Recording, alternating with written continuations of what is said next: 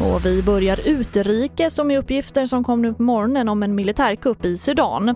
Landets premiärminister och andra ledande politiker har satt sig i husarrest eller gripits och flygplatsen och internet har stängts ner och den statliga televisionen sänder patriotisk musik. Och här hemma är elsparkcyklar ett växande problem även för lokaltrafiken. I Västra Götaland ökar antalet rapporterade incidenter och Västtrafik efterfrågar nu en översyn av regelverket runt elsparkcyklarna. Fredrik Högbom, chef för trygghet och säkerhet på Västtrafik. Oftast är det att de ligger framför en spårvagn eller slängd på en busshållplats eller slängd i färdbanan där bussen ska åka. Då. Ligger den i ett spårområde så måste ju spårvagnen stanna och då blir det stopp i trafiken och då får det följdeffekter på försenad trafik och så vidare. Och det, det påverkar ju våra resenärer som kanske har en tid att passa. Och vi avslutar med att det har tagit tre år men nu finns äntligen svaret på hur många katter som bor i USAs huvudstad Washington DC.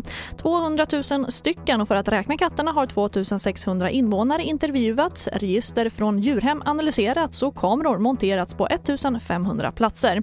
Och för er som verkligen är intresserade kan jag berätta att hälften är innekatter och de andra lever utomhus. Och det får avsluta TV4-nyheterna. Jag heter Charlotte Hemgren.